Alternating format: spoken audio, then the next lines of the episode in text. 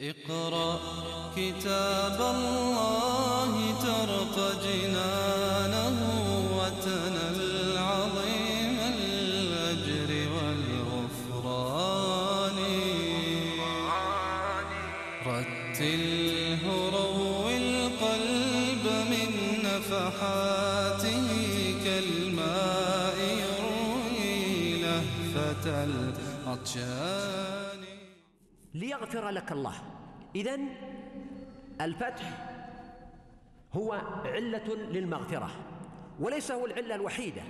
فإن مغفرة الله لرسوله عليه الصلاة والسلام لها دواعي وأسباب كثيرة ولكن هنا إشارة إلى أن اجتهاد النبي صلى الله عليه وسلم في الفتح والصلح وعدم إيثار الحرب والميل إلى الرجوع الآن بدون عمرة والإعتمار من قابل وأن تضع الحرب أوزارها وتوقيع هذا العقد والصلح الذي فيه نوع من تهدئة الأمور والحفاظ على مكة وقدسية مكة ألا تتحول إلى مكان تستباح فيه الدماء والأعراض أو يقع فيه الخطأ. الحفاظ على مكانتها التاريخية الربانية في تزكية لهذا الاجتهاد لقوله ليغفر لك الله. وهذه أول مرة والله أعلم يقول الله تعالى فيها للنبي صلى الله عليه وسلم هذا المعنى أن الله غفر لك ما تقدم من ذنبك وما تأخر. وفي السورة التي قبلها سورة محمد ماذا قال الله سبحانه؟ واستغفر لذنبك. صحيح. بينما هنا بين له أن الله تعالى قد غفر له وأن كل اجتهاد اجتهد. هنا قد يقول قائل ما تقدم من ذنبك وما تأخر. ما هي ذنوبه؟ قد نقول إن سيئات المقربين حسنات الأبرار سيئات سيئات المقربين حسنات الأبرار كما يقال. وقد يمكن أن يكون المقصود هنا الاجتهادات التي عملها النبي صلى الله عليه وسلم خلال حياته قبل البعثة وبعدها. فقبل البعثة ما قد يقع من الأمور الصغيرة وإلا فهو معصوم عن الكبائر وعن ما يشين أو يعيب عليه الصلاة والسلام.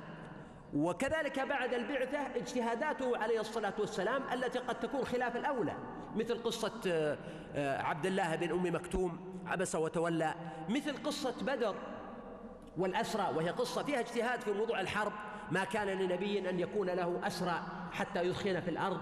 واجتهادات من هذا القبيل يجتهد النبي عليه السلام في فيها في تحصيل ما هو الأولى والأفضل ويقع في باله الحزن كما قال عليه الصلاة والسلام أنه كان يبكي لما نزلت هذه الآية لولا كتاب من الله سبق لمسكم فيما أخذتم عذاب عظيم.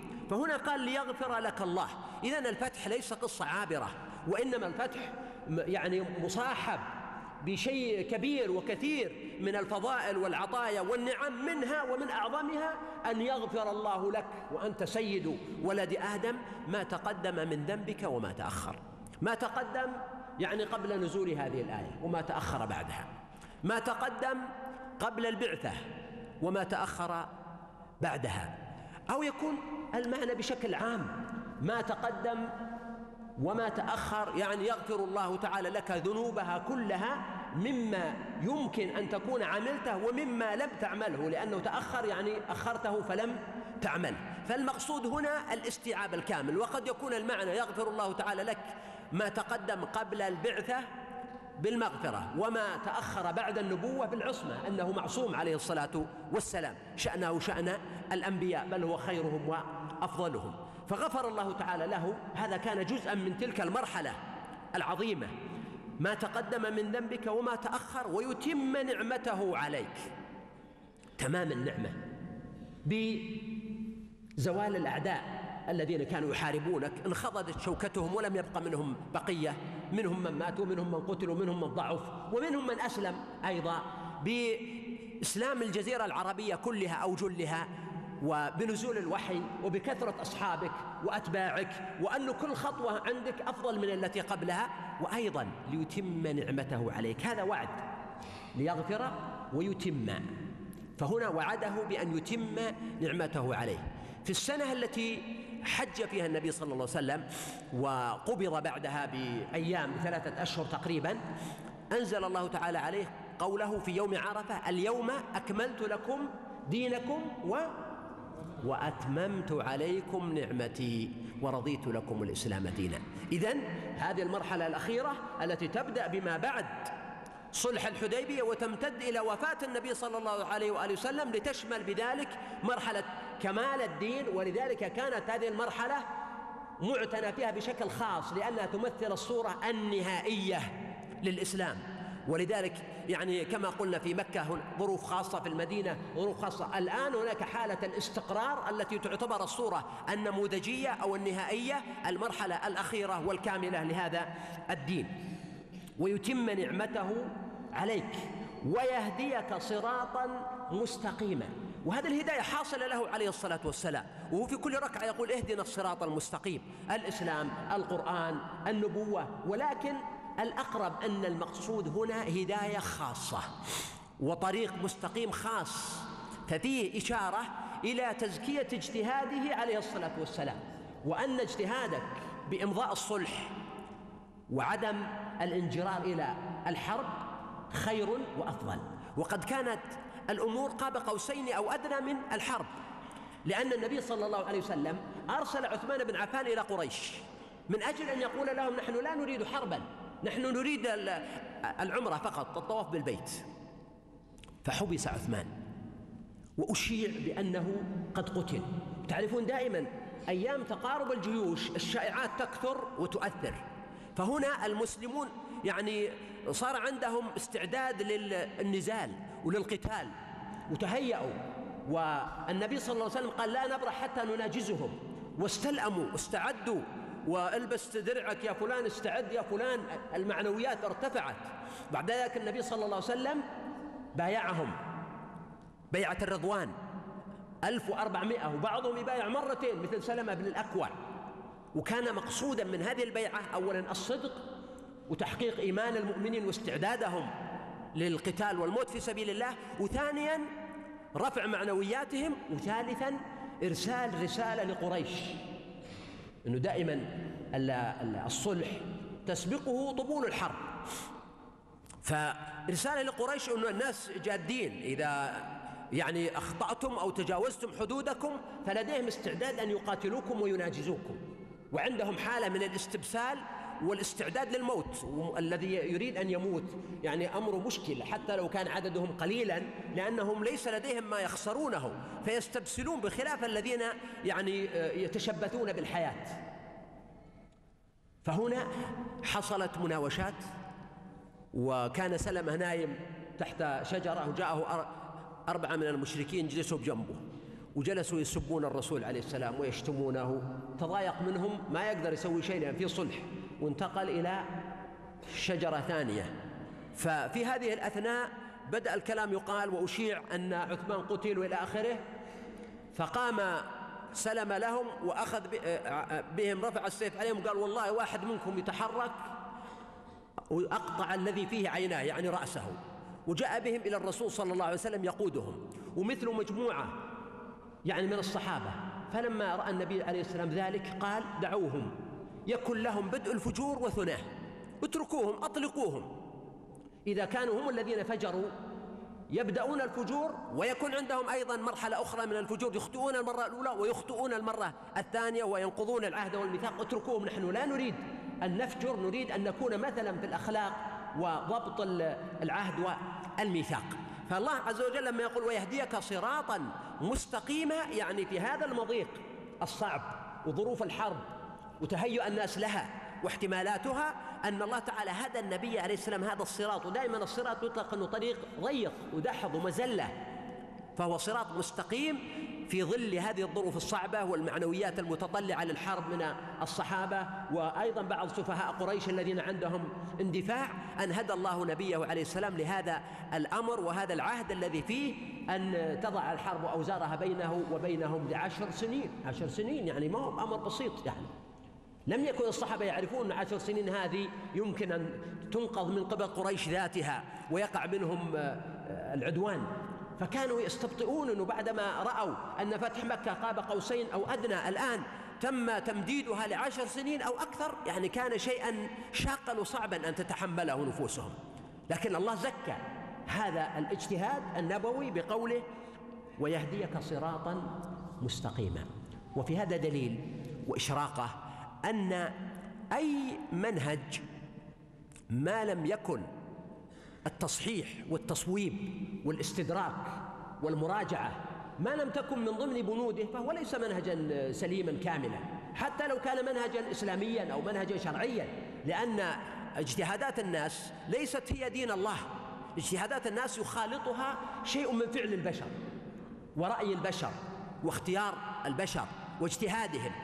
فينبغي أن يكون فيها استعداد دائم للبحث عن الصراط المستقيم في كل مناسبة وليس فقط الاستمرار على الماضي لأن الصراط المستقيم في هذا الموقف موقف الحديبية ربما كان يختلف عما كان قبله فكان هداية جديدة حادثة للنبي عليه الصلاة والسلام. فليس مجرد كون هناك شيء مألوف عند الناس يعني أنه صراط مستقيم وأنه منهج ينبغي على الناس أن يحافظوا عليه دائما وأبدا حتى إذا غير قالوا تغير المنهج. فهنا يكون المنهج عصبية ولا يكون منهجا ربانيا. وينصرك الله نصرا عزيزا. اذا هنا مع الفتح نصر بمعناه الواسع. وهنا لما يقول نصرا عزيزا في إشارة اولا إلى أنه نصر نادر. لأن كلمة عزيز تأتي بمعنى نادر. تقول هذا شيء عزيز. يعني ما يوجد في السوق مثلا السلعة ذي إلا قليل. شيء عزيز.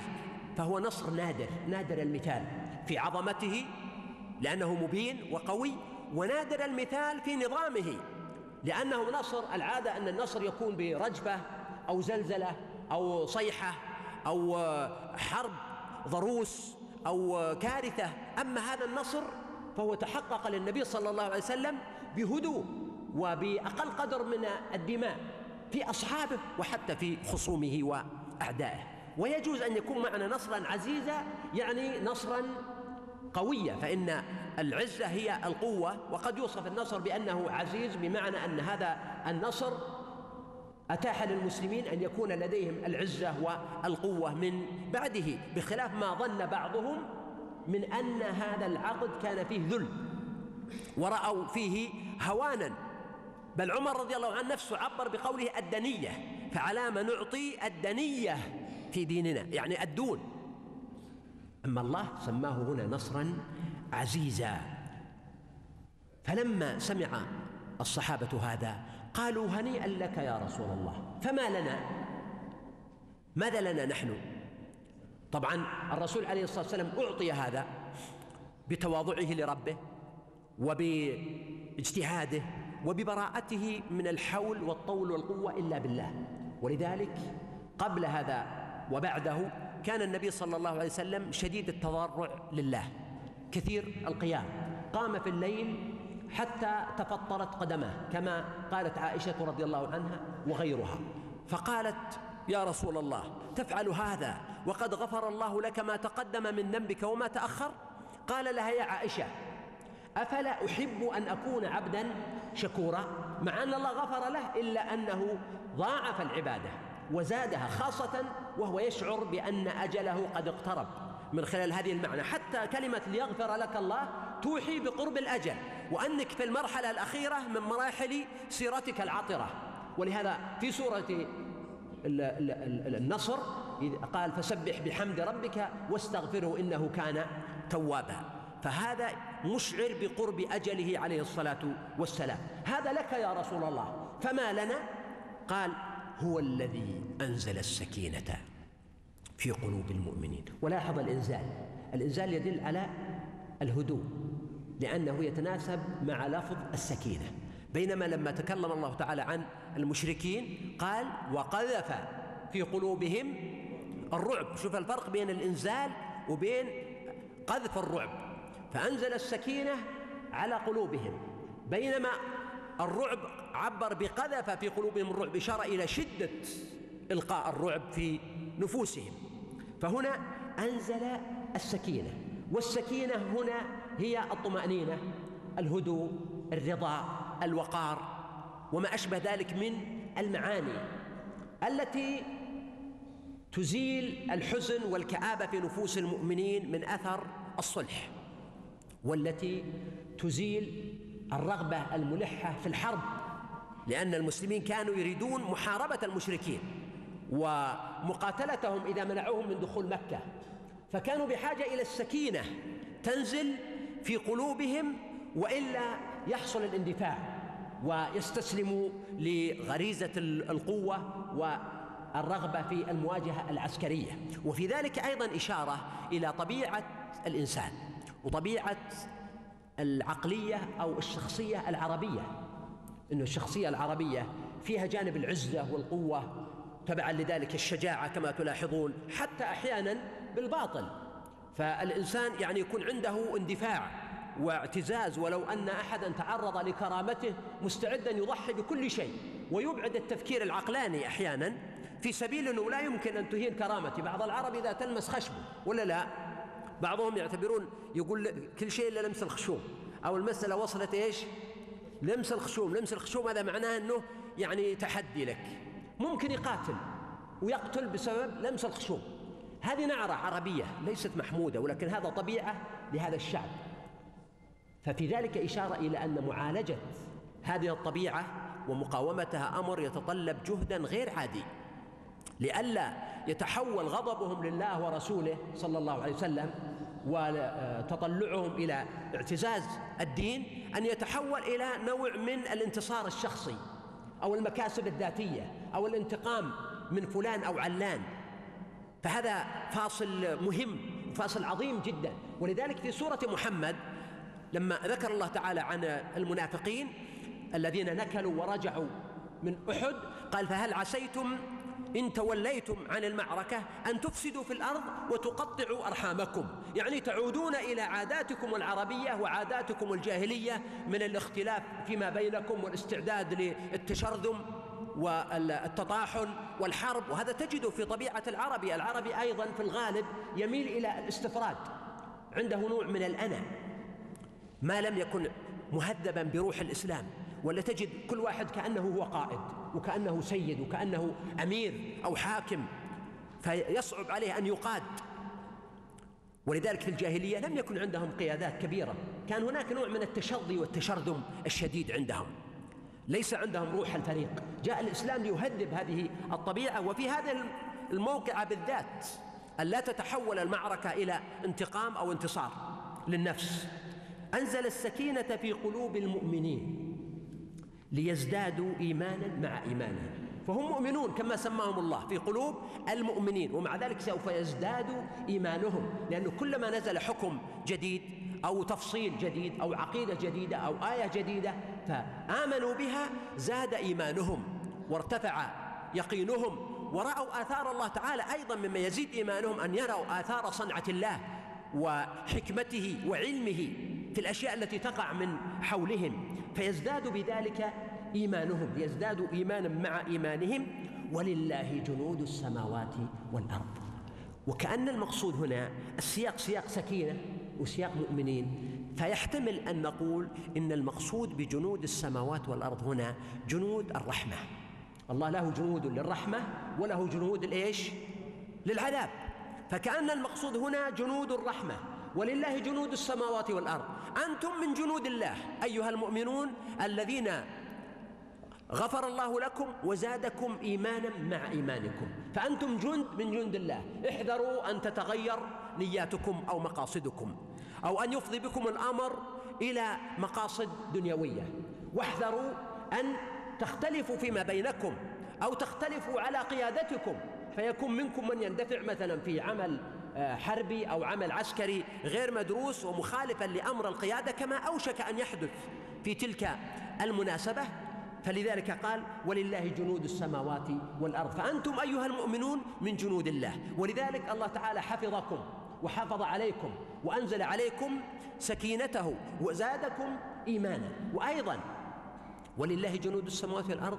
فالملائكة مناسبة جدا للسكينة وقد تتنزل السكينة بالملائكة كما قال أن يأتيكم التابوت فيه سكينة من ربكم. فهنا قد تكون السكينة تنزل بواسطة الملائكة بل قد تسمى الملائكة بالسكينة كما في آه، آه، قصة الصحابي الذي كان يقرأ القرآن آه، أسيد بن حضير.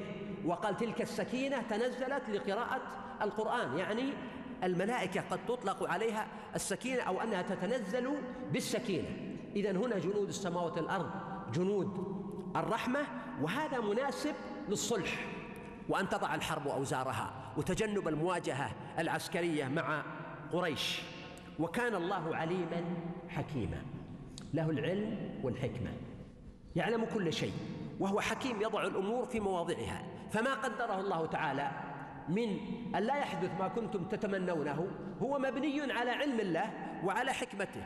ولذلك اقرأ كتاب الله ترق جنانه وتنل عظيم الأجر والغفران.